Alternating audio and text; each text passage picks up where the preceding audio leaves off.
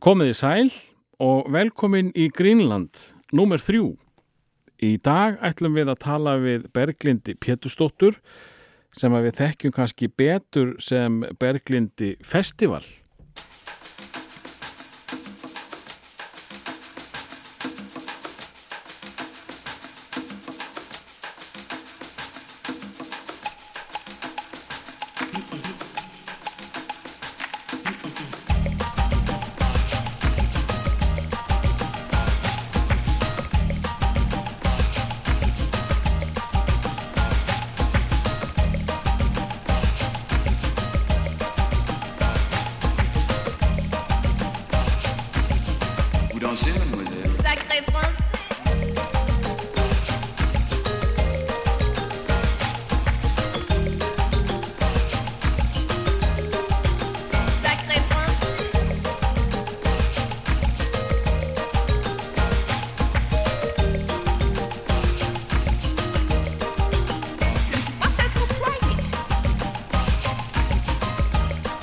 Við ákvæmum að lefa lægin að lifa aðeins, þetta er skemmtilegt lag. En velkomin Berglind. Takk. Þetta, sko við erum að brjóta blöð hér, ekki eitt heldur mörg blöð í sögu þessarar eh, þáttaraðar, Greenland. Þú ert að koma í annarsinn og enginn hefur heyrt í þér enn. Einmitt. Virkilega gaman að þessu. Þetta var svo skemmtilegt að ég ákvæðin að fá þig áttu.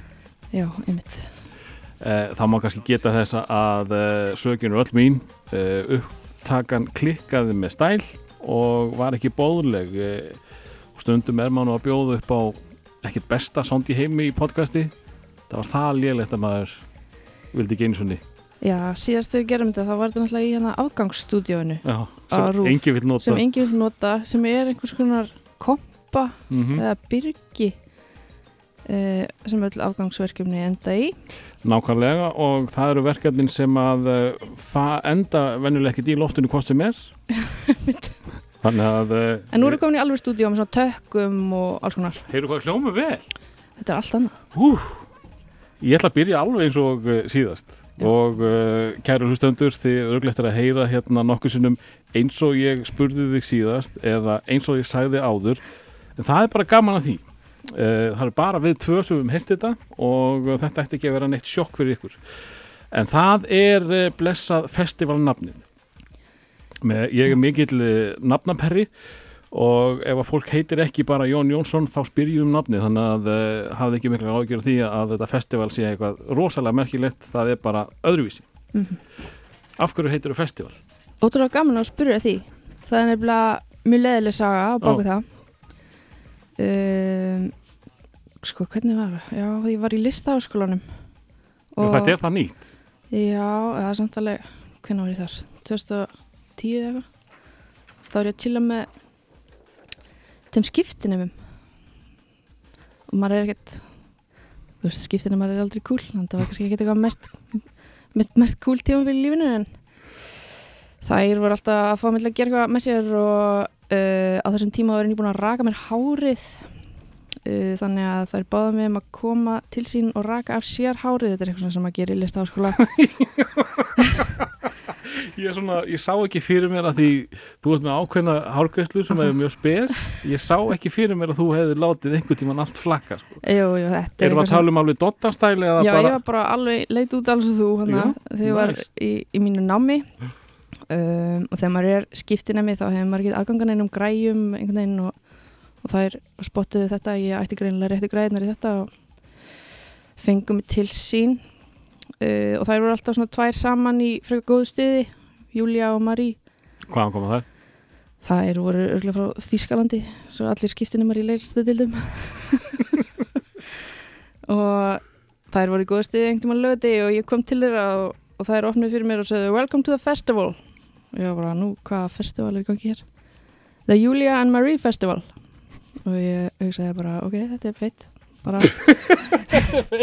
Sjálfs, góð sjálfsháttíð í gangi hér. Uh um, svo einhvern tímann eftir þetta var ég að- að búa til GIF síðu sem einhverju kannski mun eftir og vantaði nafn á hana. Og fannst þetta bara kjörið nafn Þannig að þú varst ekki búin að festa festivali á þau fyrir hann að gif síðan fyrir í gangi eða eitthvað. já það bara byrjaði allt þar sko Aha. þetta var fyrir einhverjum góðum sjö árum síðan, 8, 9 og þar, þar svona ferðu að uh, láta á því bera eða ekki með þessu giffi Já, þetta var eitthvað svona minn fyrsti minn fyrsta breyk þess að ég fekk mikla aðtíl út á eitthvað svona mm. sem maður fekk náttúrulega ekkert mikla aðtíl út á dansinn þannig sem maður var kannski búin að vera að gera það er mjög lítið kresa en síðan var ég með þessa síðu og þetta var svona prime time til að vera að gera eitthvað til að deila á Facebook. Það var áður en að algoritmin fór að stjórnullu. Já, já, þannig að þú stjórnaði hvað fór. Já, Já. þetta dreifðist allavega ósla hratt og já þannig, já, minn, minn uppháspunktur í gríni. Og hvað, sko, gif er svona, hvað, tvekja sekundna eða já, mjög stutt? myndalúpur bara það sem að var að skrifa eitthvað grín undir mm. myndinar En, en að því þú talar um dansinn og, og uh, það er svona uh, eina þínum fyrstu ástum með það ekki? Jú, einmitt. Af hverju, af hverju fer fólk í dans uh, með að við tækifæni sem er í bóði það, þú hefur einhvern smá möguleika á að vera sviðs uh, dans uh, listamæður eða hvað? Mhm. Svo er eiginlega bara flestir farða bara í að kenna fleirum dans. Já, þetta er ósla góð spurning. Uh, Möguleikarnir eru mjög litlir um, vinnan er geggjuð. Við mjög mikið vinna en veist, þetta er samt alltaf breytast. Uh, ef þú ætlar að verða einhver ballettdansari þá er, þú veist þá ert ekki að fara að vera hér á Íslandi til dæmis. Nei, þannig að þú hefur alltaf tekið bara grunn, grunnin hér, þú þarfst eiginlega bara að byrja í. Rúslandi og láta þú er bara að byrja í Rúslandi eins og- hálsás en nei, síðan hérna er orðið mjög flott sko og mikið svona eftir að listaháskólum byrjaði, hann var bara nýbyrjaður þegar ég byrjaði þar með sína dansdeild og er búin að móta alveg bara svona frekar netta dansinu. Mm mikið af svona erlendum allir mínir kennarar í listaháskólunum voru erlendir gestakennarar þannig að maður fekk svona að læra mér hratt hvað var í gangi í Európu mm. og, og uh, munurinn á því að útskrifast þegar þú gerir það og í dag hver, er eitthvað meiri tækjafæri mm, Já, ég meina eiginlega allir sem voru með mér í bekk uh, og námi nema ég eru að starfa í dansheiminum Já. Sem er bara nokkuð vel sem vikið sko. Mm. og það er bara mjög mikil gróska sko bæði í dansi svona að búa til sína eigin danssýningar og, og þannig og líka bara einhvern veginn að koma dansinum að í alls konar öðruvísi, þú veist. Vinkunum mínar er að vinna mjög mikið með til dæmis úlingum og börnum og gera danssýningar með þeim. Mm. og svo líka bara inn í leikursónum og út um allt sko. Já, það er náttúrulega orðað miklu stærri síningarnar en að heima og Mary Poppins og eitthvað svoleiðis með 7000 manns eða eitthvað svoleiðis og fullt af þessu dansar, launaði dansar eða ekki? Jú, algjörlega En- allir missið háskólapróf núna sem er óa fínt. Er það ekki? Jó, það var smart. Eh, en við erum svolítið að hlaupa yfir þetta allt saman, eh, við byrjum alltaf á, á, á byrjuninni og eh, það væri gaman að vita hvort að þú hafur einhverja svona fyrstu minningu. Sko, veit ekki hvort það eru falskar minningar. Það skiptir engum máli. en mér finnst ég mun óslega vel eftir æsku minni. Mm kannski bara því að það tekið mér mikið að myndum á mér. Uh, að því ég var svona eiginlega fyrsta badd fóreldra minna, bróður minn er 15 árum eldin ég. Þannig að það var tekið mér mikið myndum og ég var alltaf að skoða þær. Myndaalbúm, skemmtilegt sem ég gerði. Sita að skoða myndir sjálfur mér.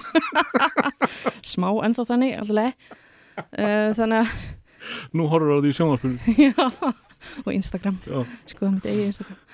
Uh, þannig að mér finnst ég muna allt sem ég gerði að lítil en fyrstu minningar mm, ég man eftir fyrsta deginu mínum hjá dagmömmu Já, já en það er líka til mynd af því kannski er ég ímyndum mér þetta þú kannski mögulega ert að búa þér til einhverja sögur þegar þú ert að skoða myndirna. í. já, gæti verið Eh, En eh, sko, þú eh, ert ekki gablari en bjóst í Hafnafyrði fyrstu árin. já, ég bjó mín fyrstu átta ár í Hafnafyrði á Selvóksgötu undir Hamrinum og þar var maður svolítið að, að leika Mm. úti það voru margir krakkar í götunni og það var bara farið og spurt eftir einhverjum og við vorum alveg svona tíu mannsann eitthvað að skottast um.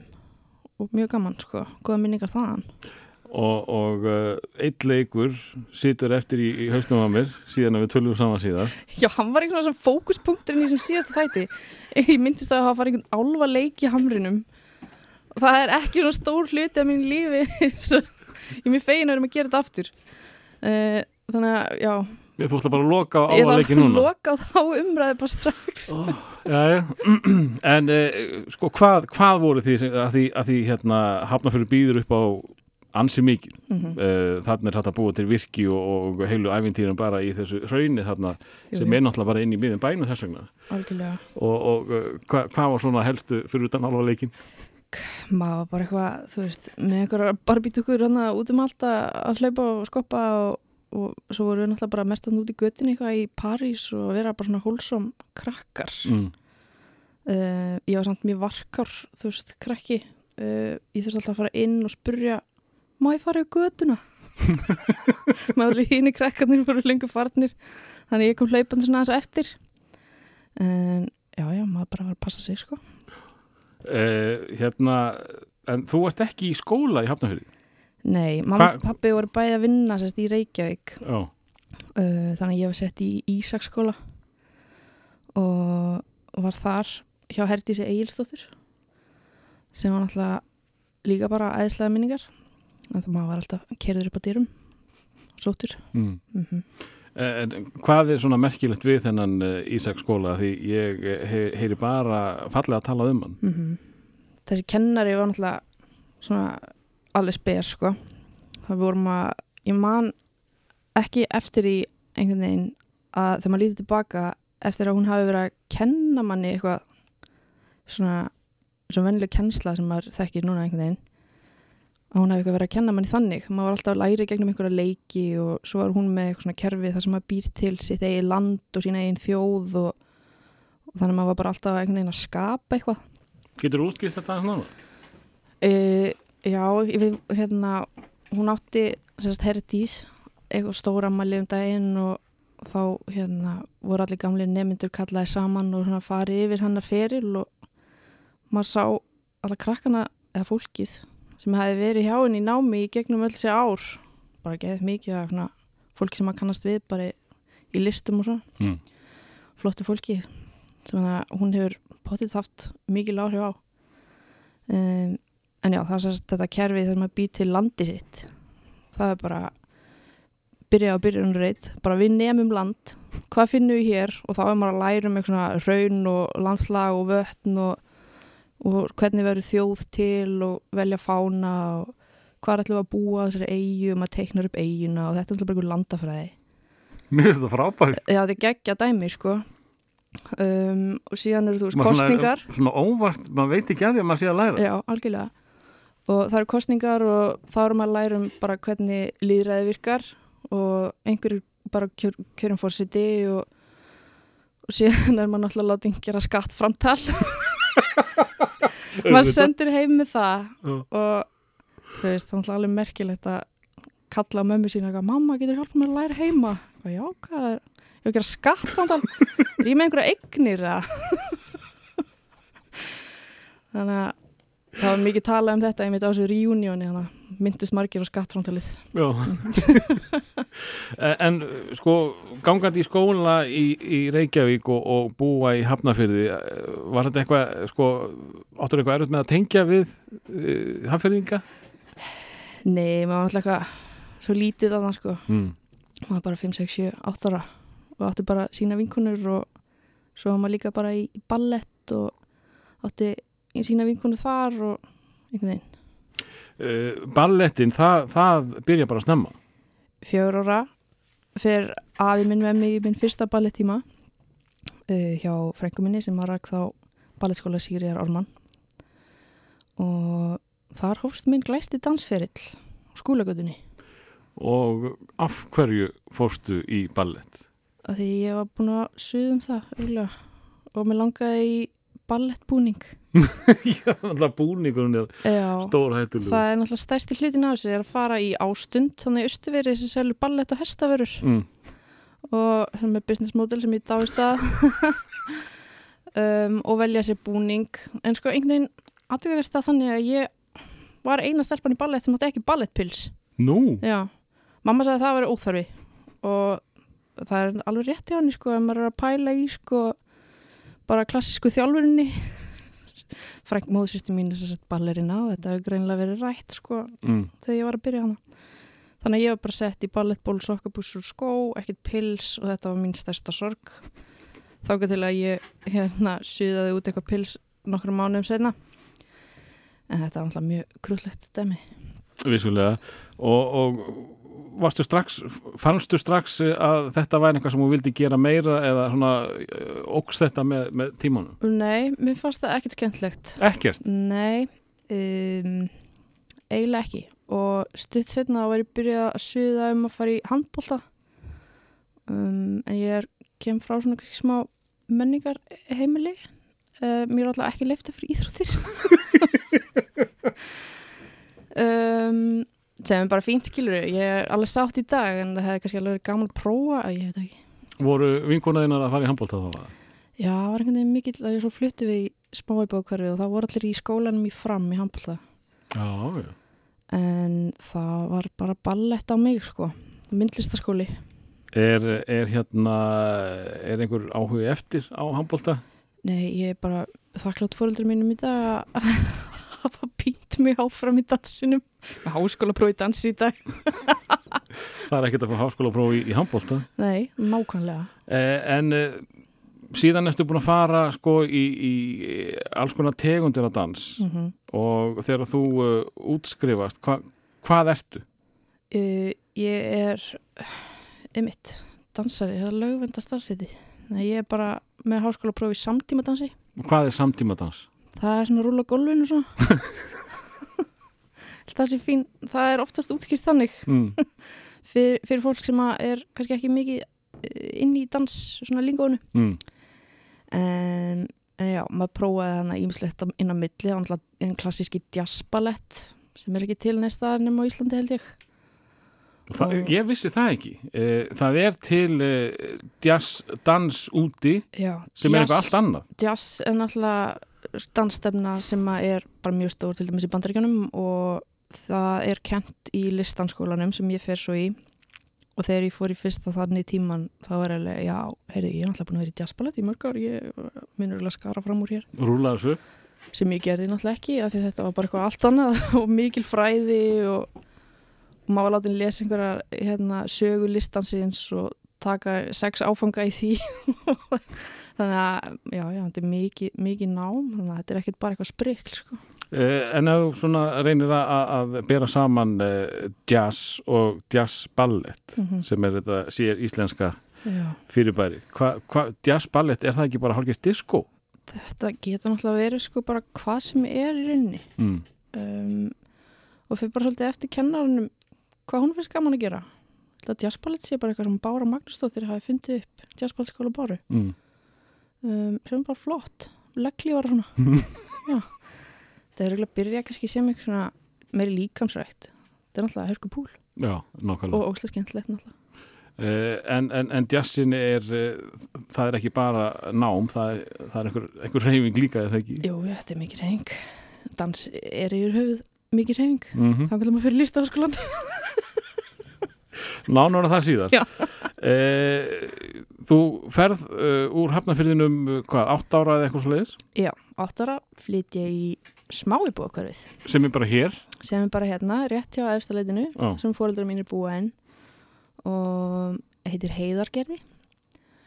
Hvar ég færi mig yfir í Kvassaleiti skóla mm. sem heitir núna Háaleiti skóli og já, var þar. Þú sem sagt hættir í Ísaskóla þegar þú flytur Nei, hingað? Ég útskrifast úr Ísaskóla það bara, með láði. Er það bara upp í átt, áttarabekka? Já, mm eða var þá, ég veit ekki hvernig það er núna. Mm. og, og uh, úr þessu fallega umhverfi sem að Ísaskóli var hvernig var það að fara í venjulegan skóla?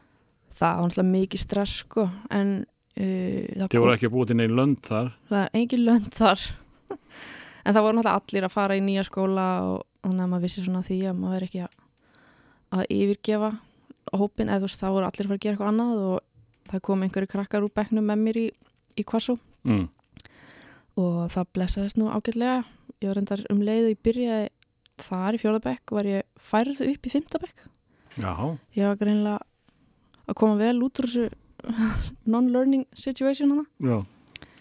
Og var færið með bekk og lendi bara í frábærum bekk. Það var mjög góð kennari sem var sagt, með bæði fjórða og fymta bekk. Og henni fannst ég bara passa betur í hinn bekkin. Og sem var alveg rétt hjá henni. Og Þannig að þú bæði sem sagt uh, ferð úr uh, svona öðruvísi skóla yfir í velina skóla mm og hoppar yfir bekk. -hmm.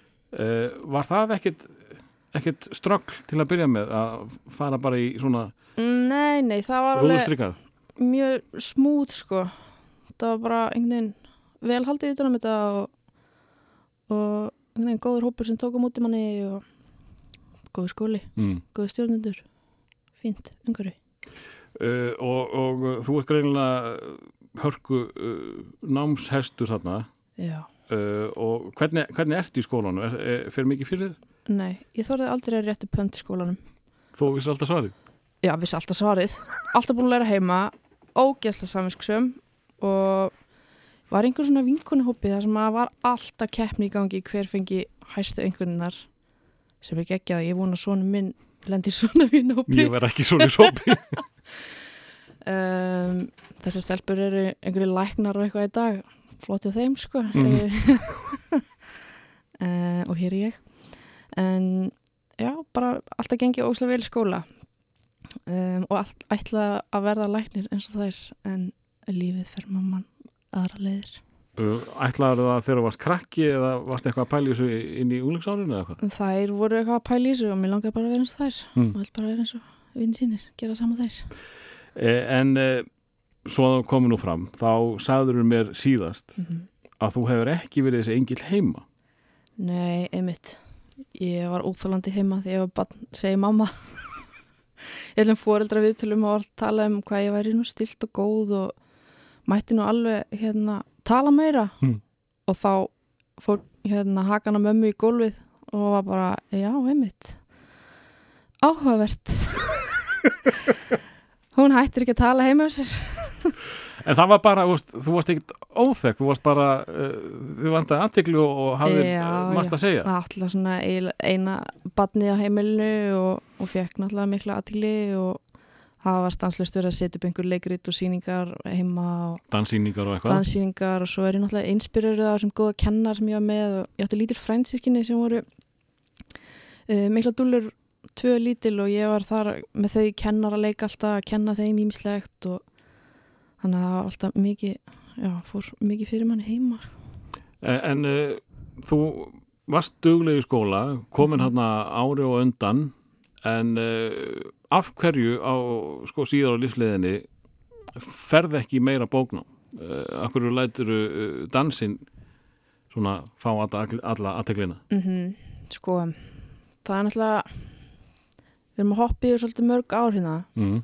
að ég fer í MH og er á listansbraut þar og það eru náttúrulega komnar þú veist, vinkonum mínar og ég við erum komnar dýp inn í dansin sko því við erum bara í skólanum fyrir hátti og erum svo bara í listanskólanum eftir hátti og langt fram á kvöld alla daga. Að því við fáum svo mikið einingum náttúrulega út af það. Um, og þá fyrir maður náttúrulega bara að pæla óslega mikið í dansi og, og fá óslega mikið áhuga sem við höfum og setja upp sína einu síningar og svo byrjar þessi dansbraut í listaháskólanum. Og þá liggur náttúrulega bara beintið að fara þangað.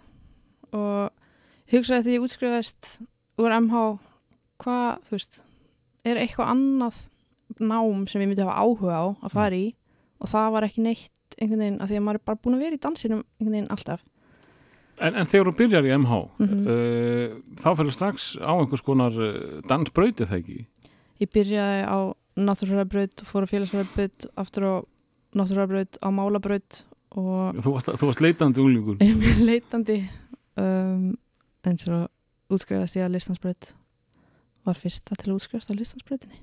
Já, ég var náttúrulega pæli í- hérna, ég hef ekki heyrt að því allavega ekki í framhaldsskóla, kannski háskóla en, Mhm. en hvenar kemur þá þessi listansbraut þegar þú ert búin að rokka milli mála og náttúrufræði og, og bleið? Þetta var, ég útskrifast 2007 Þá ertu búin að vera eitthvað í skólanum þegar þessi möguleiki kemur eða ekki? Já. Já. þá var ég búin að rokka annar milli um, og já, 2007 ég var 18 ára það var bara 2,5 ári mennskóla. Já, ha, ha, djúlega klár. Rosalega klár. Hoppar yfir bekki og, og, og rúlar þessu upp á, á no time. Uh, en uh, svo er það náttúrulega uh, það er kannski aðeins að brjótast út núna á setna árum. En uh, þú varst ekkit þrátt fyrir uh, að læra dans og vera mikið í því þá var aðtikli síkin ekkit að drepa þig nema þá kannski á heimilinu sína hvað varst búin að læra. Róast nú kannski aðeins þannig að því ég var úlingur með hana heima. Mm. en nei, maður var ekkert mikið að transi fram þannig sko. Maður fekk kannski bara mesta kikkið út í því að vera fremst í miðunni á einhverjum balletýningum Mm. um, og svo að byrja að gera svona sína einn síningar og þannig og, og sína þær og vera vomantin að því hvað maður væri mikill listamæður orðin. Það var mikið kikk. Hvenar, hvenar fer að hugsa um þessi listamann? Það var í listanskólanum þegar maður fer svona að prófa sig áfram sjálfur sko. gera, gera ykkur verkefni. En, en þú hérna, þú reyndir líka uh, tónlistina? Jú, ég var sett í píanonám með þarna ballettinum og myndlistinni. Myndlistinni líka? Já, ég var í myndlistskóla alltaf á sumrinu og eitthvað. Um, Ég var að læra píanó hjá Snorra Sigfúsi Birgisinni píanleikar og tónskaldi og það gekk ekki alveg nógu vel. Uh, það var einmitt sko á þjóðháttíðinni sem var haldin eh, hjá landinu mínu í Ísarskóla Já, það átti allir að vera með skemmtiatri já svona þeir sem vildu og sem var þá kannski svolítið í stíl við uh, það land sem þú komst frá eða bjóst til þjóðlegt skemmtiatri og það var einhverju krakkar sem ætlaði að spila á píanó og ég hugsaði bara, heyrðu ég ætla líka að gera það. Fór heim og sagði, pappi, ég ætla að byrja að læra píanó. Það eru tónleikar hérna eftir smástund. Hann var alveg, já, ok bara Shanghaiar mér í píanónám. Ég reyndi að spila ekki á þessum tónleikum. Hann var alveg, já, það er kannski ekki sniðið að vera að koma fram svona alveg strax Mm. en bara setna, já, einmitt. Um, en já, þetta var ég var alveg þangað til ég var úlingur sko. Uh, að læra píanó líka. Já, þetta er fjóðu, fimm ára eða eitthvað? Já, meira sko. Alveg fram í kannski nýjönda bekka eitthvað. Og hvaða stig kemstu þá? Á? tók ekkert stig. Ég nefndi því ekki. Nei, það var einhvern veginn ég frestaði alltaf og, og endaði ég að klára það aldrei. Eh, en sko með tónlistina í, í blóðinu mm -hmm. uh, og uh, búin að læra þetta í, í, í þetta langan tíma uh, kom það aldrei til greina á þér á unglingsaldri að fara eitthvað í, í tónlist þá? Þú voru ekkert sungið eða farið í hljómsveit eða eitthvað ég leta eiga sig Mm. maður hefur sungið í einhverjum danssýningum en ég held að það sé bara best fyrir alla að sleppi því svona bili, kannski setna En uh, ég geti trúið að margir að núti en það er vissulega rytmi í mér sko það er rytmi já, alltaf á, á bítinu sko Já. Já. En uh, hvað hér landið? Fossey, Fossey já, mm. það stakk einhver annar upp á því nafni ég man að ég var mjög leið þegar mitt nafn var ekki kosið en ég man ekki alveg hvað það var Já, var allur bekkur með sömu eiguna? þá voru, já, allir bekkur með eina eigu Já, já. og það voru nafnatilögur nafnakeppni haldinn og bestu tilögurna valdar og mín var þar meðal og hún var ekki kjörin um, lendmál en fórsegi var það Eh, Pappiðin er tónlistamæður mm -hmm. eh, Hvernig tónlist var á heimilinu? Úff, bara hefur alltaf verið eitthvað skrítið í gangi eiginlega alltaf rása eitt bara kveikt og svo bara einhver síru djass sko Hvernig er það fyrir krakka? En mjög gott fyrir krekka held ég. Er það? mjög margar af mínum minningum úr æsku er að sitja á ógeðslega tónleikum með mömmu sem pappi var að spila á og eitthvað svona á jómfrúni og lögutum þannig að það er alltaf jazz í portinu þar og ég var sex ára þar bara oh my god, getum við farið eitthvað annað? Tjötnin er hérna rétt hjá má ég gefa brauð? Neip, eitt Karlsberg á okkur hlusta pappa, spila trommur. Já, æska mín í nótskurðin En uh, þín tónlist þegar þú varst krakki? Uh, já, það var kannski bara svona barnalegrita tónlist mikið, Já. pappi var líka mikið að vinna í leikusunum og ég var mikið með honum í vinnunni sem barn. Er það ekki gaman? Er það ekki spennandi? Jú, það er náttúrulega alveg geggjað að fá að vera í, í þjóðleikusinu og eitthvað að skottast þar um og hann var í symfóníinu líka mikið þegar hann var nýri í háskóla bjó og maður alltaf lærast niður og fá kandís og geggjustemming eða þú veist, maður fannst ekki gama þá kannski alltaf en svona í minningunni er þetta mjög mikið æfintýri mm. um, en ég man svona fyrsta svona lægið sem ég man eftir að hafa bara fíla geðið mikið var hann lægið með Björk með geggjaða vídjónu aha, Aha, It's Also Quiet. It's Also Quiet. Og uh, það, það það er svona æsku uh, lægið þitt. Já, ég man bara að geisladiskurinn bleiki hennar var heima og mér fannst hulstrið ógislega flott og svo var verið að spila eitthvað og heyri þetta lag og það var bara á repeat hvernig varst þið restin af diskunum? eh. En það, sko, að því í þessu myndbandi þá náttúrulega koma fram gífulega uh, miklir danshæfileikar bjarkar mm -hmm. Og þú hefur vantarlega klættið í appisnungun á kjól eitthvað tíma. Jú, jú, það er hann að vera að á einhver dekkjavestæði og stórt eh, dansadrið út á götu og mikil kóreografía þarna sem ég skinni hann alltaf strax og kannski þetta sem dró mig að þessu Eða að heyra æsku söng Berglindar? Já, takk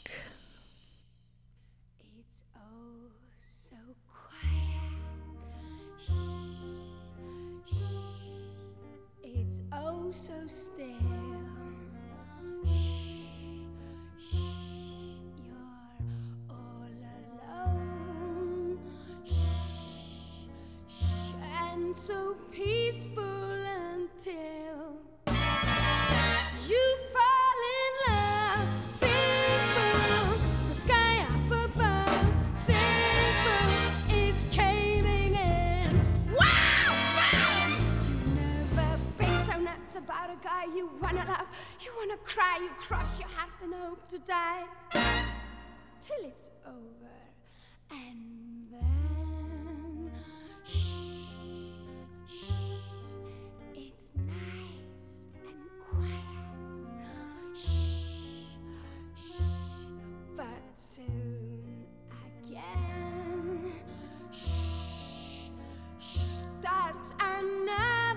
big riot.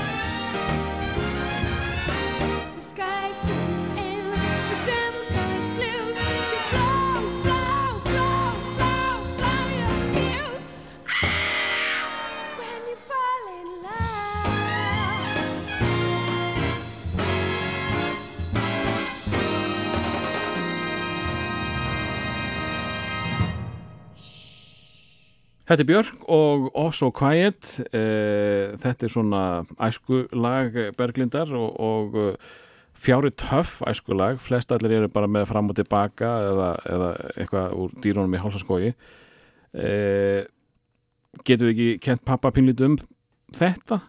Jú, algjörlega. Það er swing á, á, á heimilinu. Mhm. Swing, big band, Já, dæmi. Nákvæmlega. Já, já. En eigum við að skella okkur í unglingsári Það er alltaf gaman Einmitt Hvar eigum við að byrja? Hvað, Í hvaða skóla fer fólk sem að býr í smá íbúða hverfinu?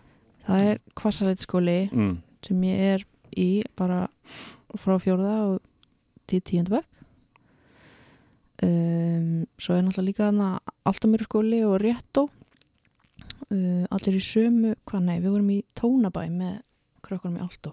Mm.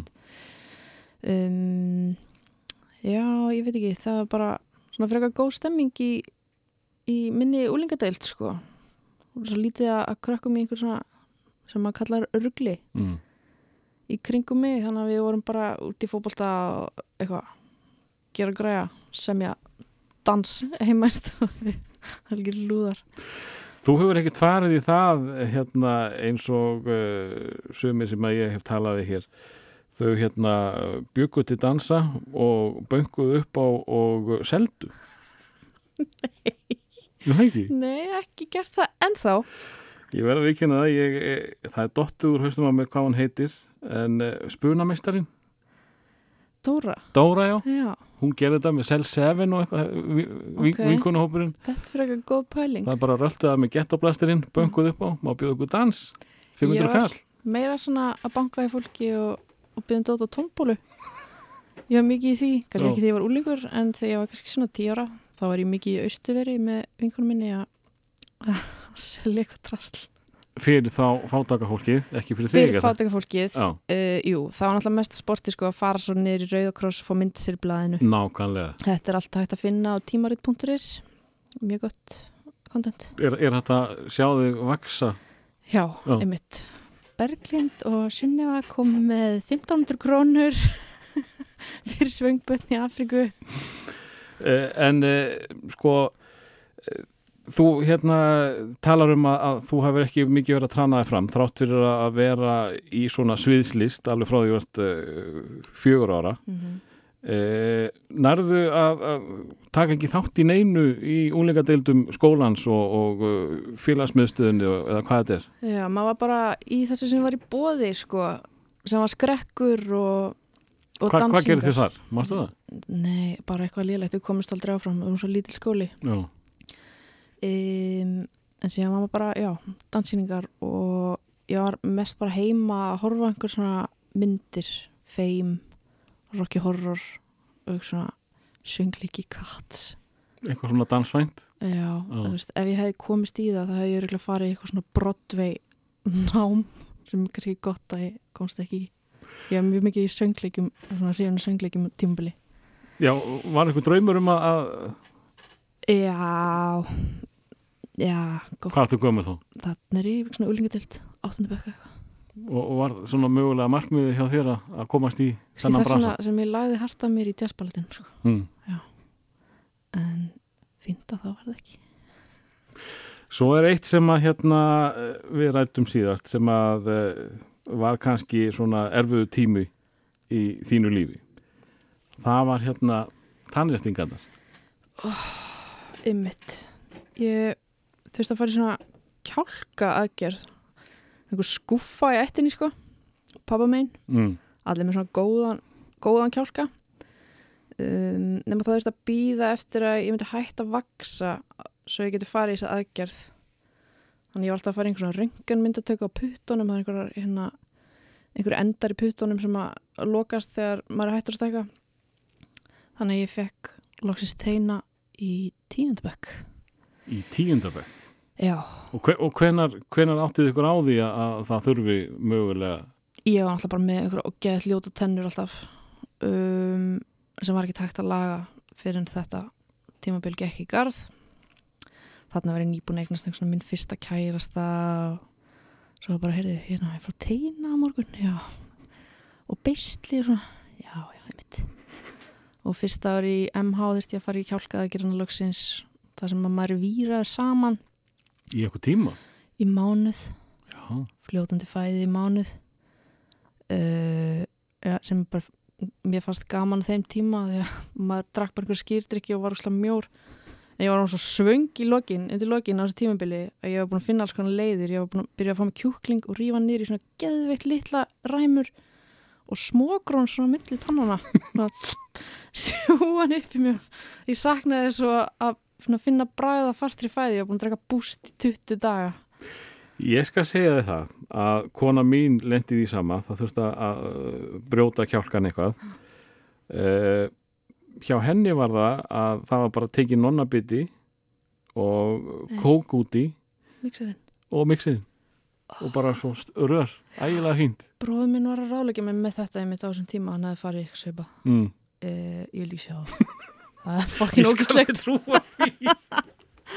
en hún heldur því fram að þetta hefur verið bara heaven sko. Já, ég held alveg sjálfsöringunni þótt ég hefði verið svona sko. Já, en eftir 20 daga af uh, skýri þá væri ég til í að prófa hvað sem er sko. Já, ég að reyna ímislegt sko. Eh, En uh, ha- hafði þetta ekki, sko, hefur þetta ekki mikil áhrif á dansin, uh, hreyfingin, er það mikil, uh, úst, er ekki sásökin svo mikil í bara höfðinu í, í kringu þetta tímabil? Mm, ég man en eiginlega ekkert eftir því sko. Uh, að þetta hafi, neða, maður kannski ekki mikið að dansa eitthvað svona beint eftir. nei. En, neini, þetta alltaf. ég hafði maður flotta tennur í dag. Já, glæsilega, ten, Já. til hafingi með það. Takk fyrir. En uh, á, á þessum árum uh, kringum MH og þetta, þá hérna þykir það vinsælt að hanga í kringlunni og þú varst engin undatekning. Já, við vorum svo- Hvað eru það að gera? þetta er bara, þetta er einhver ár. mm, skoða dót uh, í mikil neytandi Já. og hefur ókslega gaman að kaupa með dót þú þarft kannski ekki. nefnir bara alls ekki Mm þannig að það var mikið sport, ókslega gaman alltaf haft gaman af svona fötum og aukurlutum og þannig um, já, hvað voru að gera ef maður að gera eitthvað hanga á stjörntorgi kaupa sér eitthvað tilbúð A á Dominos Mm. sem er eitthvað pizzasneið og, brauðstöng og kók bara Subway um, Vá við vorum ekki að gera neitt sko. Bara eins og þetta heitir, að hanga. hanga Já. Eh, en hvenær fer, fer Berglinda að svona að taka tjútið? Er það ekki þinn uh, í MH þá vantarlega í eitthvað síðar? Nei, það byrjaði bara í MH Mm. kannski svona lók tíundabekkjar byrjaði maður eitthvað svona aðeins að, að pæla í þessu en svo var maður bara mættur úr kaffibarinn kortir setna sko það var ekkert verið að pæla í því þá Nei. hvort maður verið 16 eða ekki en Þú tókst, þú tók, tókst góðan tíma á, á kaffibarnum. ég, ég gerði það Mm. ég hérna hætti í MH eina önn til að einbytta mér að listanskólanum Mm. Já, varstu í hvoru tekja í einu? já, þetta var allt saman Já. og fell svo mætingu reyndar í listanskólanum þá önn Sem þú hættir í MH? Aha. að því ég var við vorum full time á kaffibarnum á þessum tíma Já, það er náttúrulega full vinna. það var náttúrulega opið á kaffibarnum á daginn líka þá sko. Mm. þannig að maður mættur í latte bara um tíuleitið þú skalt aðtöðu það, ég hef mjög mikill listamaður á þessum tíma Aha. Þetta var bara það sem listamann gerður sko. Þetta var bóhem tímiðin. bóum tíminn e, að borða sagt, fór kaffibarinn, taka kaffi fór prikið að vega múti hátteginu kíkja kannski í tíma listanskólanum, ég veit ekki pæli einhverju nýtt dansverki mæta kannski á kaffibarinn aftur sexualitið fara heim klukkan eitt Já. eða aðeins einna and repeat í kannski góða þrjá fjóra mánuði þá var mamma orðin eitthvað heyrðu þetta verður kannski bara að hætta núna. Og þá tók maður sér aðeins saman í andlundu Eh, en meða við þennan lífstíl sem þú lýsir hér þá finnst mér þetta ekki alveg fara við eh, saman við eh, erfiðis nám. Tala ekki um líkanlegt erfiði? Nei, það, ég skila eiginlega ekki heldur sjálf en það er borgar í bjór og mikið kaffi. Ég borðaði held ég svona fjóra, fimm hambúrgara í viku á þessum tíma en það er, er alltaf lægi þegar þú ert að reyfa þig í sex klukktíma á dag þá getur þú gert allt sem sýnist í Er þetta svo mataræði. mikil vinna? Sex klukkutímar á dag? Já, já, guðmur góður og síðan fer í listaháskólan þar sem þú ert að mæta í pílatis klukkan átta fer svo í tæknitíma, ballett og samtímadans einn og halvan tíma og einn og halvan tíma og erst svo kannski í einhverju verkefni eftir hátti frá halv eitt til fimm. Svo ertu kannski að æfa einhverju sýningu sem þú ert að gera með einhverjum eftir það. Kannski koma heim klukkan nýju þú borðar bara allt sem sérð sko. Ríksfjöri upp það sem á vegið þínum verður. Eh, ef við, sko, áður við förum svona sögulega í hérna eh, listaháskólan, Mm. þá skulum við fá unglingarsöngin hennar eh, Berglindar. Hva, hva, hvers konar tónlist varst að hlusta á þegar eh, sko, þú varst hættur að hlusta á, á Súra Djessin að spapa? mm, Sko, fyrsta svona sem ég man eftir að hafa beðið um að kaupa sjálf var Spice Girls. Eðlilega. eðlilega, það var kasseta Já, um, það ekki bara verið Spice World. Og það er eitt lag á þeirri plötu sem er bara eitt af mínum uppáhaldslögum en það í dag sem fallega lagið til nummið þrjú Too Much, já, ah, klassiker eindislega. En eh, það hefur meira, uh, ert unglingur, þá er, Hvað var ég að hlusta á? Þannig að listamann tímabili MH já, hvað ertu það? hvað það var bara eitthvað algjör síra við vorum eitthvað að hlusta á vast í bönjan sem er bara eitthvað, þú veist og hvað er, skiljum maður ekki Damien Rice og eitthvað væmyndrilla. Svo er eitthvað í glötuð. Nei, bara ég, þú veist, veit ekki hvað ég var að segja þessu sko. Já, ég veit, þú hlusta á Muse. Já, eða, eða þóttist hlusta á Muse, það var já, það var tíndubekkur sko. Það var tíndibækur, já. nýjöndu tíndubekkur Mm. og hérna skrópa í fyrst skipt skólanum til þess að fara Í fyrsta skipti frá því þú byrjaðir í skóla. Já, til þess að kaupa með á Muse. til að fara í röðkringlunni e, mættum hann klukkan 5 um morgunin opnaði 10 og það voru einhverju strákur annars mjög skotin í eitthvað og ég fór með strákunum í bæknum í þessa röð til að kaupa með á Muse tónleikana hafði reyndar ekki heyrt laga með Muse en þá en vissulega fór ég í geisladiska búvalda beint eftir þetta Mm. Kefti nokkra diska, hlustaði á þá og var alveg, ok, þetta er alltaf leið, þetta er fínt, ég get fílað þetta Já. og fór En- en- tónleikana og það bara var alveg negla sko Hvatin var sem sagt eh, frekar þá sæti strákar heldur en hljómsveitin. Já. Já, eðlilega, eðlilega. og tónleikandi fóru vel fram og við fórum í sleik og allt sko þannig að Það var sleikur og já, það endaði allt mjög vel jackpot. Jackpot Uh, vel þess virða að skrópa í skóla fyrir þetta. Já, Nákvæmlega. skrópaði oft eftir þetta Alltaf í sleik. Herðu, uh, hvaða úlingalag ætlar að bjóða upp á? Hvað heitir aftur þetta lag sem spilum síðast? Eh, ef ég ætti fleiri stundur, fleiri mínútur, fleiri orð. Fyrir þig, geta það ekki verið? Handa þér, Já, Sálin er það ekki? Þetta var í danssýningu Þetta var einhverju dansýningu sem hún settur upp. Ok, ég var búin að gleyma fyrir ekki þetta hlustendur, við erum að gera þetta í annarsinn, við erum að reyna að gera þetta vel það var, já, lag með sálinni. Þetta var, hérna mjög skemmtileg sýning sem við settum upp, ég og vinkur mínar. Hvenar þá? þetta hefur verið sko sumari áður um byrjum í listaháskólanum, held ég. Sem sagt búnar með framhaldsskóla? Nei, eða búin með fyrsta ár, ég, þetta var eitthvað á þessum tíma, Mm. hérna listamanna tímanum En, en sko, fyrirgjöðu að ég skulle stoppa það núna. Mm en uh, bóhemar og listamenn þeir eru ekkert mikið í sálinni Jú, það, Það er mjög mikið verið að taka popkúltúr inn í svona sýningar sko, Ah. skemmtarnagildi er geggjað. Mm. og þetta var danssýningin Snóð með dansóknum Snóð þar sem við vorum að fjalla um kvennsjúkdómalækna Já, við völdum sko er ekki mjög algengt að dansýninga séu um Jú, þetta var fyrsta danslæknadramað svo það var í hérna, kynningatextanum nokkuð vel sem vikið um, en sko þegar maður er að gera dansýningar þá þarf maður að sækja um styrki Mm. og maður þarf að hugsa hvernig fæ ég pening? Og maður þarf að fjalla um eitthvað. Þess vegna eru dansarar alltaf að rannsaka eitthvað. Getur tekið eftir því þegar þú horfir á umfjöllunum menningu og dans. Já, hvað að rannsaka á þessu sinni. Bara, já, hvað að sækja um pening? Það er mjög líklegt að ég myndi fá pening fyrir þessu. Og við völdum þetta og við fengum fullt af pening bara frá hérna, alls konar bara Evrópu og unga fólksins Já, þið farið út fyrir landsteinana? Já, mestu peningandi þar. Uh, Norrænt samstarf. Eh, Getum við ekki fengið einhver danskan til að gera eitthvað? Það er eitt sjóður hann í Danmörku sem að allt eitthvað svona hags um, og gerum þessi sýningu og ég bað Steppa Hilma sem að koma að syngja þetta lag af því að okkur fannst það bara gegja lag með sálinni. Uh, hann komst ekki að því að hann var fótboltamóti með svon sinn en í staðin fengum við mann sem okkur fannst vera mjög líkur honum sem var Ævar Þór Benediktsson Ævar vísindamæður og hann kom og söng þetta lag listavel söngan því alveg eða var hann hann að mæma?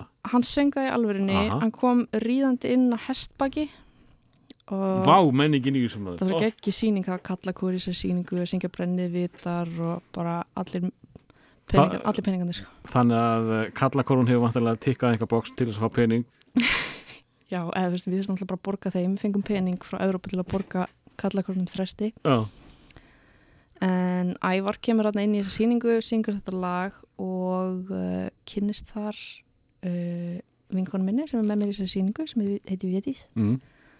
og þau byrja saman og eru saman enn í dag og Já. eignast lítið batn, þetta er ekki fallegt? Þetta er fallið saga. Eh, Það er eitthvað sem ég ætla að spyrja þig. Eh, Þú bara tala svo mikið að ég get ekki spurt þig. Ég, tjók ah, Hvað var það? Það vantilega skiptir engum máli. Jú, hérna, það heitir snóð Já. og hafði það eitthvað að gera með uh, hárgæsluna þína á þessum tíma? Mm, nei, Þú snóðaði þig síðar þá eða eitthvað? Nei, allir hafi ekki verið búin að Nei, ég hef búin að snúa mig Já, þetta var setni. Einmitt, þetta er allt mjög óskýrt í minningunni. En fannst þetta ekki merkileg spurning aðeins gott hún kom? Mjög góð spurning. Þarna var hárið að vaksa aftur Já, einmitt, eftir snóðið og það, þú kannast kannski vita að þegar hárið er að vaksa aftur Nei, eftir kannast ekki Takk fyrir að minna mig á það. Herðu, heyrum hér unlingalagið eh, Þetta er, heitir það ekki ekkert sem breytir því? Jú. Svei mér það. Ef ég ætti fleiri stundir,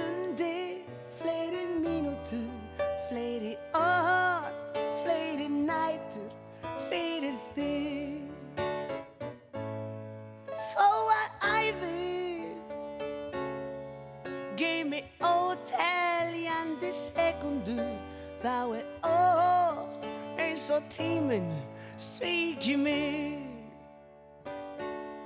Samt er ekkert sem að breyti því Samt er ekkert sem að breyti því Hversu heitt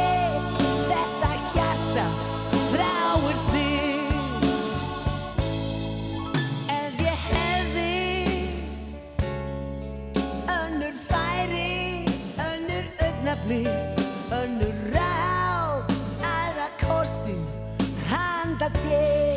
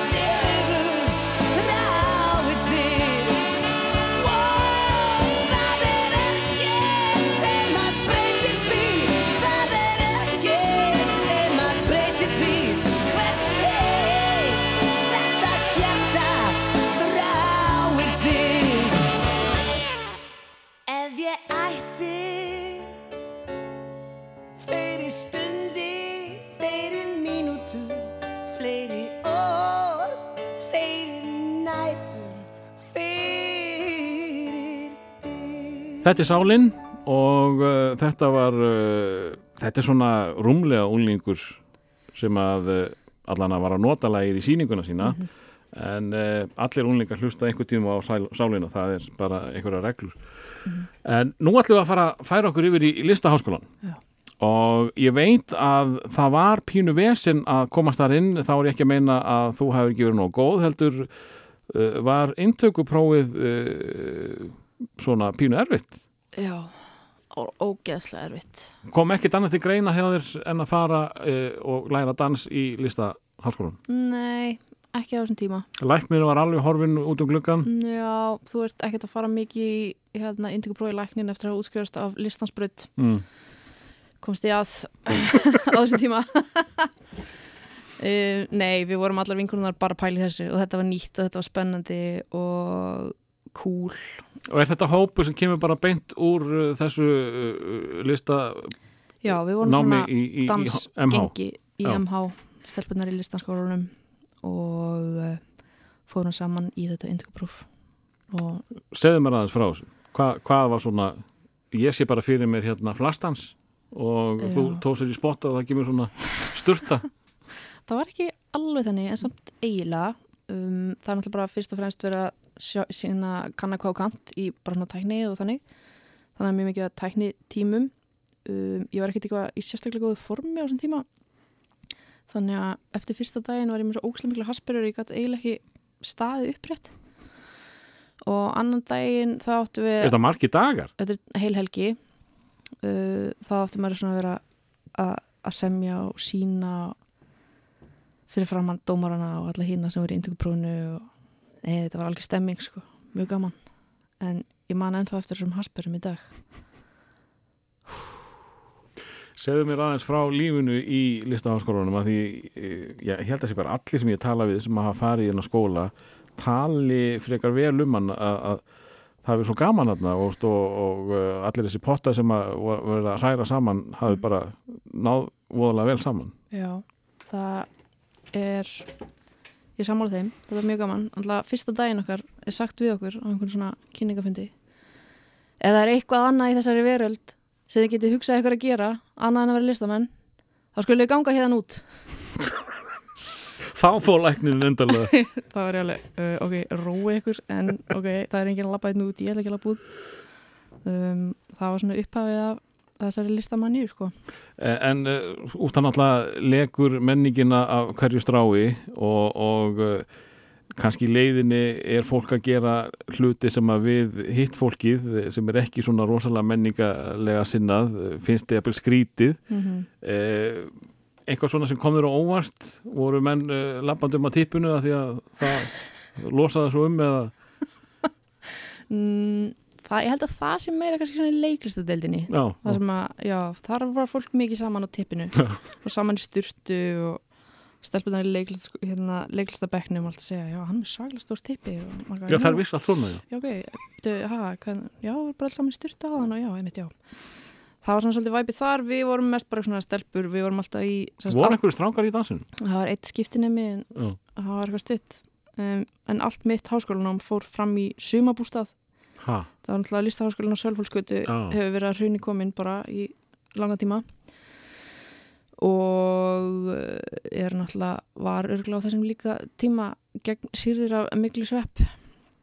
Og við varum í einhverju hliðarhúsi þarna sem var sumabústaðar með danstúk sem var algjör viðbjöður og við vorum alltaf að fá alltaf, alltaf að fá einhver sára fætunar og fá einhverja blóð eitranir og næs já það var við fórum við verkvall þú varst að segja fyrir mínútu hvað var gott og gaman í, í Já, listaháskólanum þetta er, maður tapar maður mænt núna. Þið Fórum fóruð í verkfall? verkfall af því að við neituðum að dansa fyrir að það er skúrað.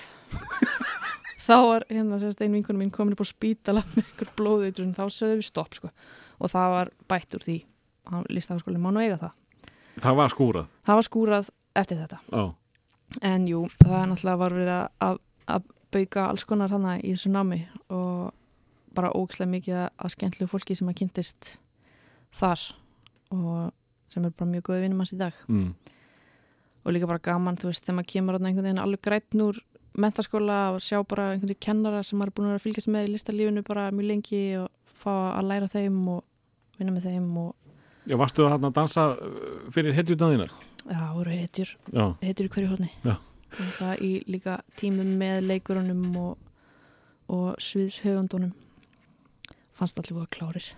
Eh, Þið sem sagt eru að að deila tímu með eh, öðrum listgreinum er það það bara eitthvað venjulegt bóknám eða? Já, alls konar svona sviðslista fræði og, og leikursfræði Það er ekkit danska 101 eða?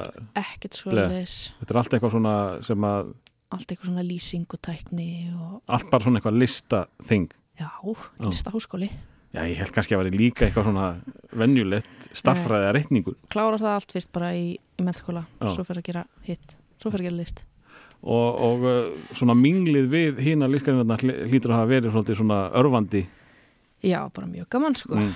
partíin, Já, partí. legendary dæmi Hvernig eru, eru partí?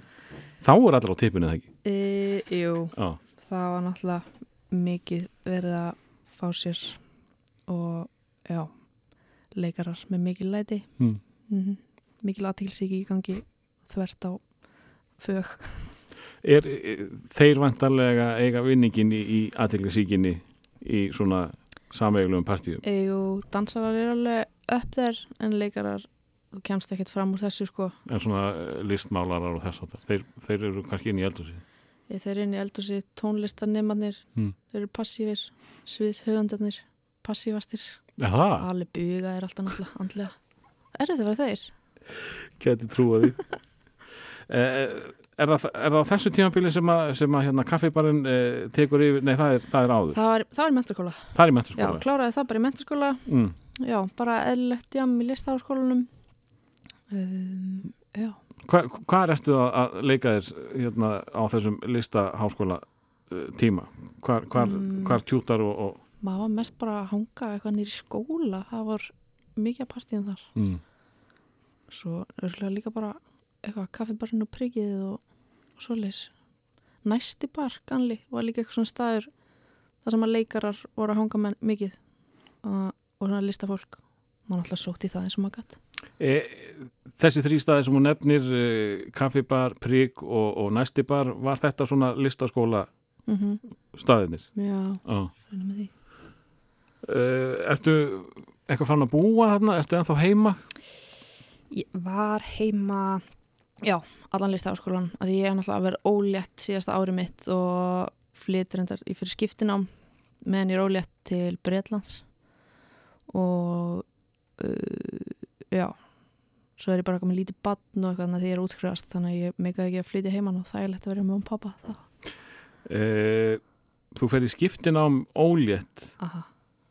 Varstu þá að uh, þurfa að vinna mikið með líkamann eða varstu í ykkur bóklegu Um, þetta var nám í koreografíu en það var náttúrulega bara tekið tillit til míns líkanlega ástand sem að gera bara sem að gatt og treyst sér til. Um, þetta var alveg geðvett leðilegt nám. Jaha, ég ætla að fá einhverja safaríka sögur frá útlöndum. Svo var maður svo hrókafullur og leðilegur á þessum tíma. Þarna var ég búin að vera að kenna sjálf svona smá tíma.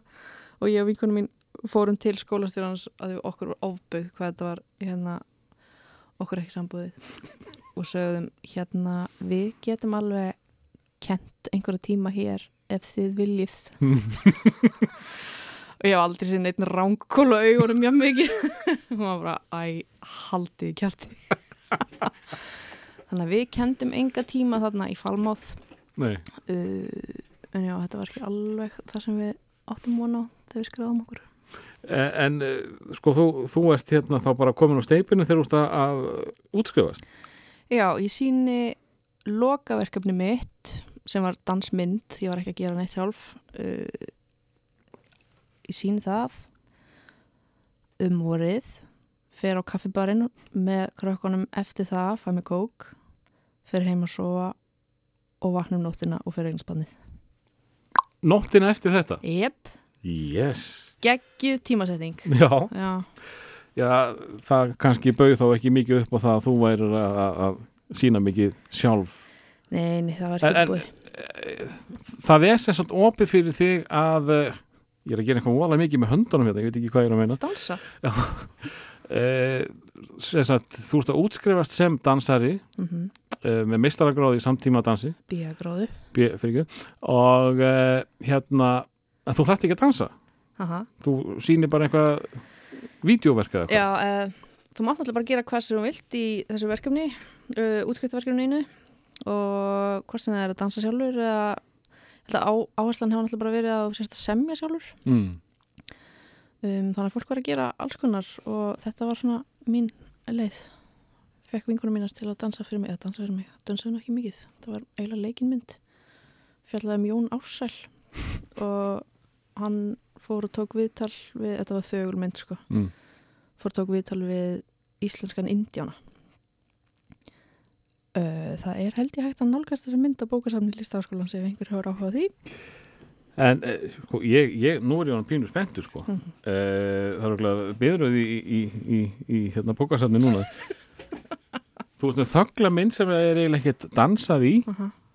sem uh, loka verkefnið þitt í þínu eh, dansnámi Já, dansin er svo opið fórum já. þetta er í raun, þú veist bara eins og myndlist. Ger bara eitthvað. En hvernig hérna, hvernig hefur dansin eh, nýst þér í, í gegnum tíðina?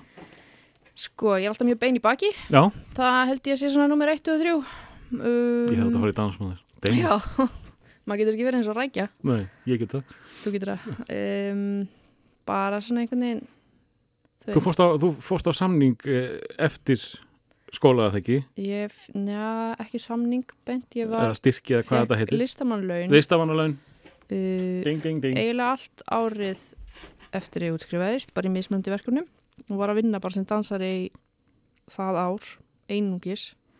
Og hvað, hvað ertu þá að gera? þá er ég í nokkra mánuði að gera sýningu með ásónum vinkunminni uh, Ertu þá í nokkra mánuði að sína eða ertu já, nokkra það mánuði eru að nokkra, undirbúa? nokkra mánuði bara með hérna, sköpunarferli Mm.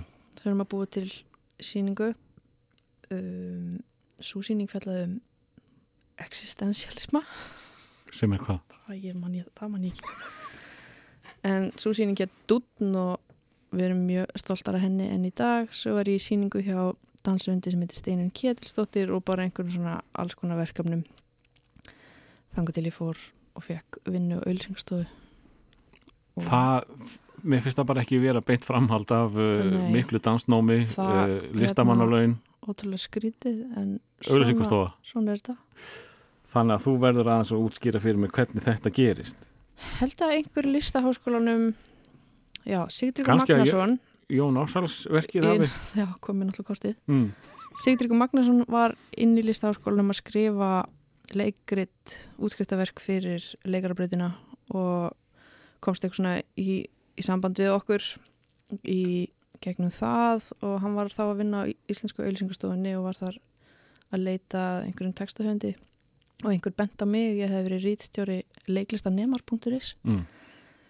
og hann ringdi bara mig og bauð mér vinnu þar og þar var ég í nokkur ár Og þú ert búin að vera í, í þessum geira bara síðan þá eða ekki? Já, síðan ég fekk sko fyrst útborgað á auðlýsingastofu hef ég ekki viljað snúa aftur til danstjakkans Hefur þú aldrei fengið borga fyrir dans eftir þetta? Jú, jú, en þú veist ég bara líka fannst þetta skemmtilegt og hérna var góð í þessu og fekk fleiri og fleiri tækifæri í einhvern svona markaðstörfum og þú veist, var alveg viðlóðandi dansin áfram í einhver svona Reykjavík dansfestival og fóð meira eitthvað svona skipulag og þannig en ég hef eiginlega ekki verið mikið á sviði eftir þetta Já. eitt og eitt eitthvað svona pínlítið En hvernig ertu á dansskólinu?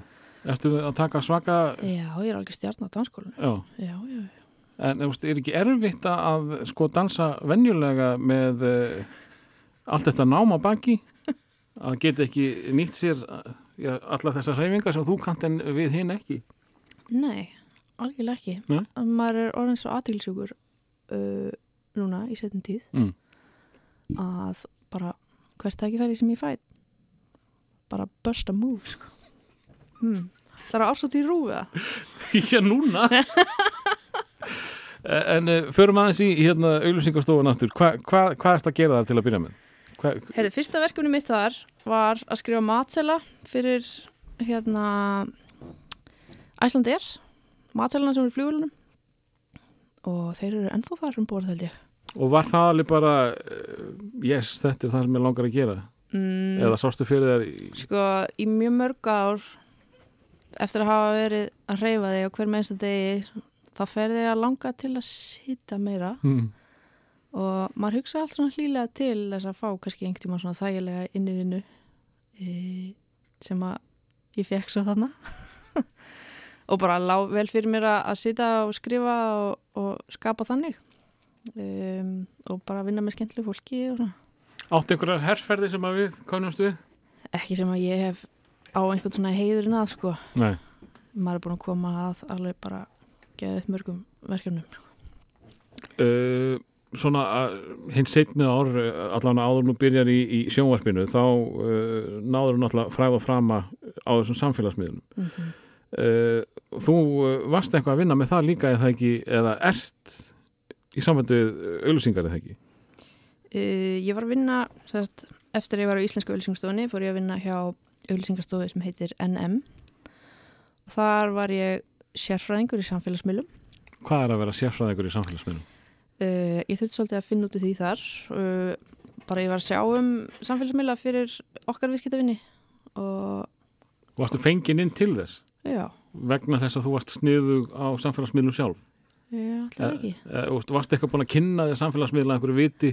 Mm, ég er náttúrulega ekki búin að læra neina eitthvað svona markasfræði en neitt þannig en Nei. ég er búin að vera á Facebook á hverjum degi síðan það byrjaði eða þú veist síðan maður komst í það Þannig að þú varst að segja uh, hlustöndum það að ef maður er duglegur á Facebook þá Mhm. getur maður fengið rosa fína vinn eða bara eða hangið náða mikið í tölvunni mm. þá getur þú fengið fína vinnu En uh, Facebook svona kom eiginlega fyrst Aha. og náður að mastera það? Já, eða þú veist það kemur einhver, einhver Facebook auðlýsingar eitthvað svona sem maður læri bara á og verður góður í. Mm. um, og líka bara eitthvað svona auðlýsingarstofu kunnáta sem maður fær með því að vinna inn á svoleiðis stofnun. Uh, er bara mjög góð skóli. Þannig að þú svona náður að nýta þér reysluðina hjá auglýsingarstofunni mm yfir á netið sem að síðan nýttist yfir í næstu auglýsingavinnu. Já.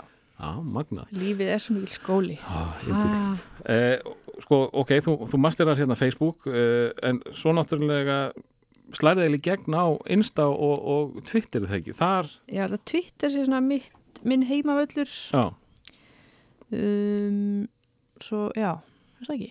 Hvenar, hvenar ferður svona að taka eftir því að þú ert að fara að fá fleiri lækaldur en eh, næsti maður?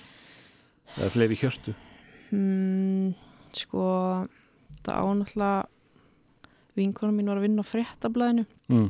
á þessum tíma og var svolítið að, að setja mig í fréttablaðið sem gif drottninguna Já, þegar þú varst með festival síðan og var svona segja frá því hvað ég var að gera þannig að ég held að hún hafi átt góðan þátt í því.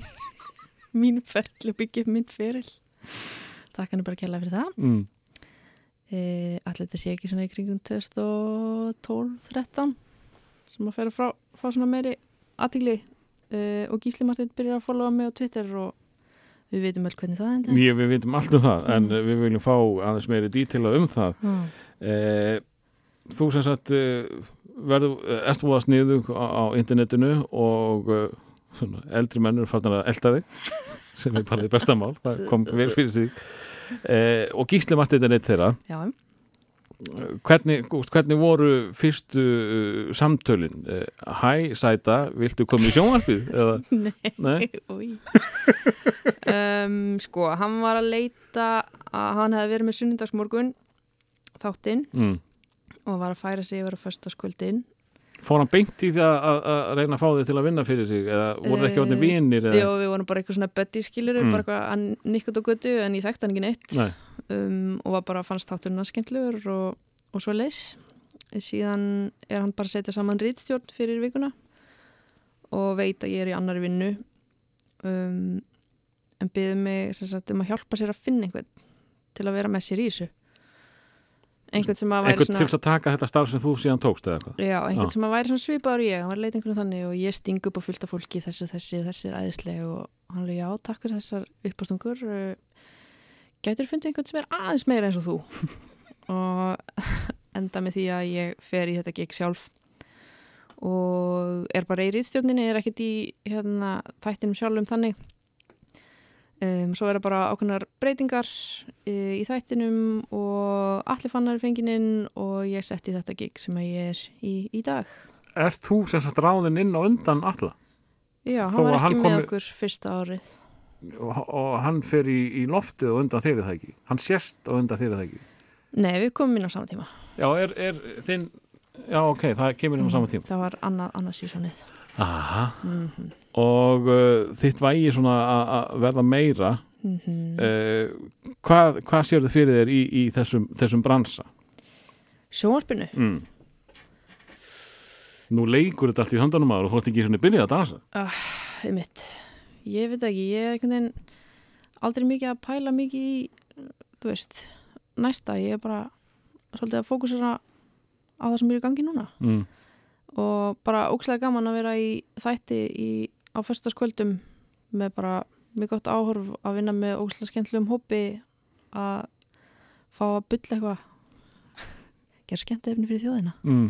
ha, það er sem að brenni fyrir Já, þannig að þú, þú ert ekkert með einhverjar hérna uh, svona hérna háar hugmyndur um eitthvað eitthvað Sko- sem að þú getur mögulega gert sjálf án uh, gísla og alla og, ég er ekkert að pæli því núna sko. Nei, Nei, ég fekk að setja aðeins meira púður í mitt svona einslag í vetur þegar ég gerði fullveldis útgáfuna af mínum einslögum já, og þar fekk maður aðeins, þú veist, kynast í að vera í svona stærri pródusjón og með fleira fólki og, og bara meiri peningur náttúrulega og ókslega skemmtlegt og ég get alveg hérna, ímynda mér að, að vera gaman að gera eitthvað svona sem að, að því að ég vinn mín einslög bara ógeðslega hratt núna, bara í hverju viku stuttur tími til að bóka stuttur tími fyrir tökur og svo fær maður að kynnast svona hinnileginni, svona meiri undirbúningur uh, handrit sem er fyllt. Og viðmælendur sem eru bókaðir hérna, ekki með 20 mínútna fyrirvara. Um, þannig að þú veist það er alveg fólk sem hefur komið inn í okkar vinnuferli og bara gjör svolítið blöskrað. Bara svona á ekki að vinna en ég held sér alveg gott að þú veist að læra að gera hlutina rætt Hvernig, hvernig vinnur þetta? Uh, tekur bara upp uh, fullt af dóti með engu handriti og svo bara, herru, svo bara klippur þú saman og Mm. þetta er skemmtilegt. Nei, á mánudegi hittist við og förum bara yfir hvernig landi liggur um, bara gesta hugmyndir og, og svona fréttir sem að uh, til dæmis allir getur notað í, í sitt og hvort það sé eitthvað svona döfinni sem að ég geti nýtt mér. Og oft er ekkert komið á mánudegi þú veist, eitthvað nógu mikið efni og stundum eru ekkert komið með hugmynd að einslæði fyrir mig fyrir en á miðvikudegi. Og þá reynir maður bara að bóka alla sem fyrst. Og svo tökur á 50 dögum Hefur ekki að lendi því að vera að gera eitthvað alveg á síðustu stundu? Já, ég náttúrulega hefur verið að taka uh, við töl í sminkinu fyrir þátt og að klippa saman þegar þátturinn er byrjar Já, ok. við höfum tvisar gert þetta uh, það hefur verið eitthvað svona kostningatengt Mm. verið eitthvað að grínast með politikusunum áður þeir koma í vikuna eða einhverja svona leiðtóa umræður eitthvað og verið svo alveg inn í klippherbyggi að klára það er ógslag gaman en bara hú, mér er betra að gera þessi einn Já, nennir ekki að gera það hverju viku. Ég, þú sagði mér á og hefur verið að tala við meindir eða í allan dag. Já, Uh, þetta náttúrulega fer ekkert í lofti fyrir en eftir einhvern góðan tíma þannig að mm hva, af hverju ertu að tala við meindir eða núna? það var uh, bara fréttir um einhverju róttugang í Vesturbænum Mm.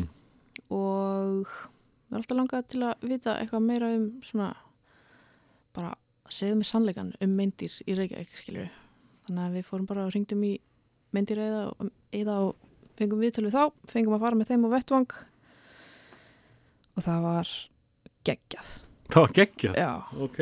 fekk að sjá alls konar skeppnur sem hefur fest sig í alls konar lími og heyra alls konar sögur. Ég hlakka mjög mikið til að klippa þetta á morgun. Eh, hlupum hann yfir einn hluta sem að mér finnst pínu uh, spennandi og, og skemmtilegur og það er svona starf sem að margir unglingar uh, vildu óska þess að komast í. Það er uh, þessi skapandi sumastörf langar sem bara rétt að þess að tæpa á því ánum við lókumissu uh, hvað, hvað er það, hvað er þetta að gera? Eða þið, skapandi sumastarf er er það í búið ennþá? Já, alltaf ég eh, bara veit það ekki. Nei, þá hefði maður tekið eftir því á sömurinn, það skiptir ekki máli. Hvernig var það allavega? Hitthúsið býður upp á þetta. Og sækir bara um. Mm. uh, Sækjur um þá og, og þegar ég er rosalega góð í þessu að um sérst með ákveði verkefni. Um, bara svona smá eins og sért hérna, þetta er smá eins og Egilsdóttir, búið til real life, þú undirbúið undir kannski, þú veist, umsóknarferli þú ert að vera að vinna sem listamæður, þú ert að sækjum fyrir hvert verkefni fyrir sig. Mm.